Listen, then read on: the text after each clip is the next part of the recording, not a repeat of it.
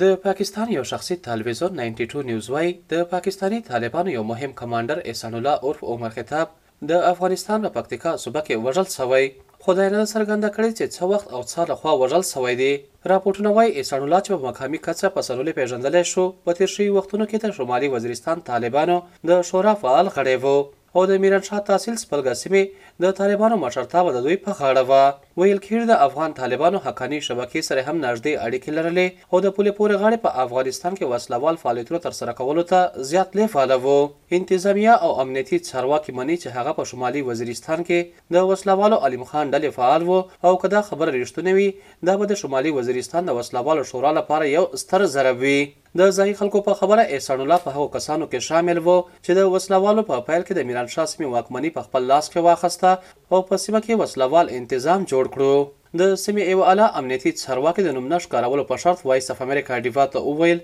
دوی ته هم معلومات ترلاسه شوي چې احسان الله درې ورځې وړاندې د افغانستان په ورګون سیمه کې د افغان قواوو د عملیاتو په نتیجه کې وژل شوی. هغه وویل، اسعدالله د ضرب عضب عملیاتو پر مهال د ګلبادر او علیم خان په مشرۍ کې د خپلو په سلګونو شمېره پلویانو سره افغانستان ته تللی و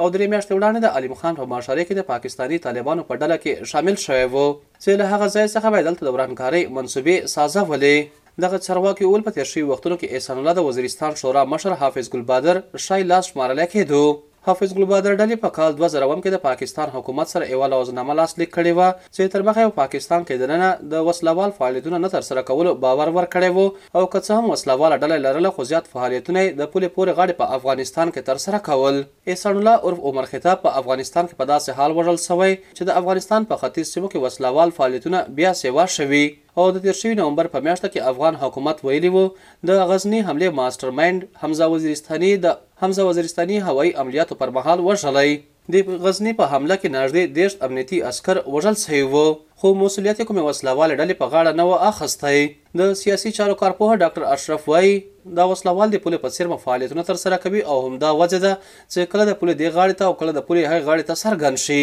دوی به پاکستان او پاکستان چې دی هغه تورونه لګولي دي په افغانستان چې د دواړو خواوو ترهګر چې دي هغه دلته ځي او راځي او دغه ځای کې چې کوم دی نو دا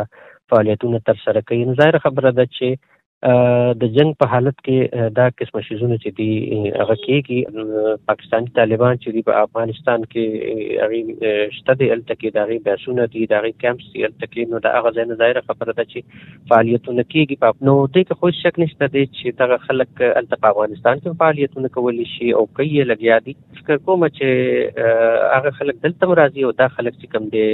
هلته هم زیاده فعالیتونه کیږي روان دي د یادونې ده چې په وروستیو کښې افغان حکومت د داعش وسله والې ډلې شپږ مهم وسله والو د وژل کېدو دعوا کړې او ویلي د دوی تړاو د اورکزو قبایلي ضلع سره دی. خو بل خوا ته په افغانستان کې د پاکستاني طالبانو مرستیال مشر خالد حقاني، شریار محسود او په خپله د ملا فضل الله په امریکايي ډرون کې د وژل کېدو راپورټونه ترلاسه شوي دي. عدنان بېټنای، وي او ای، ډیوه.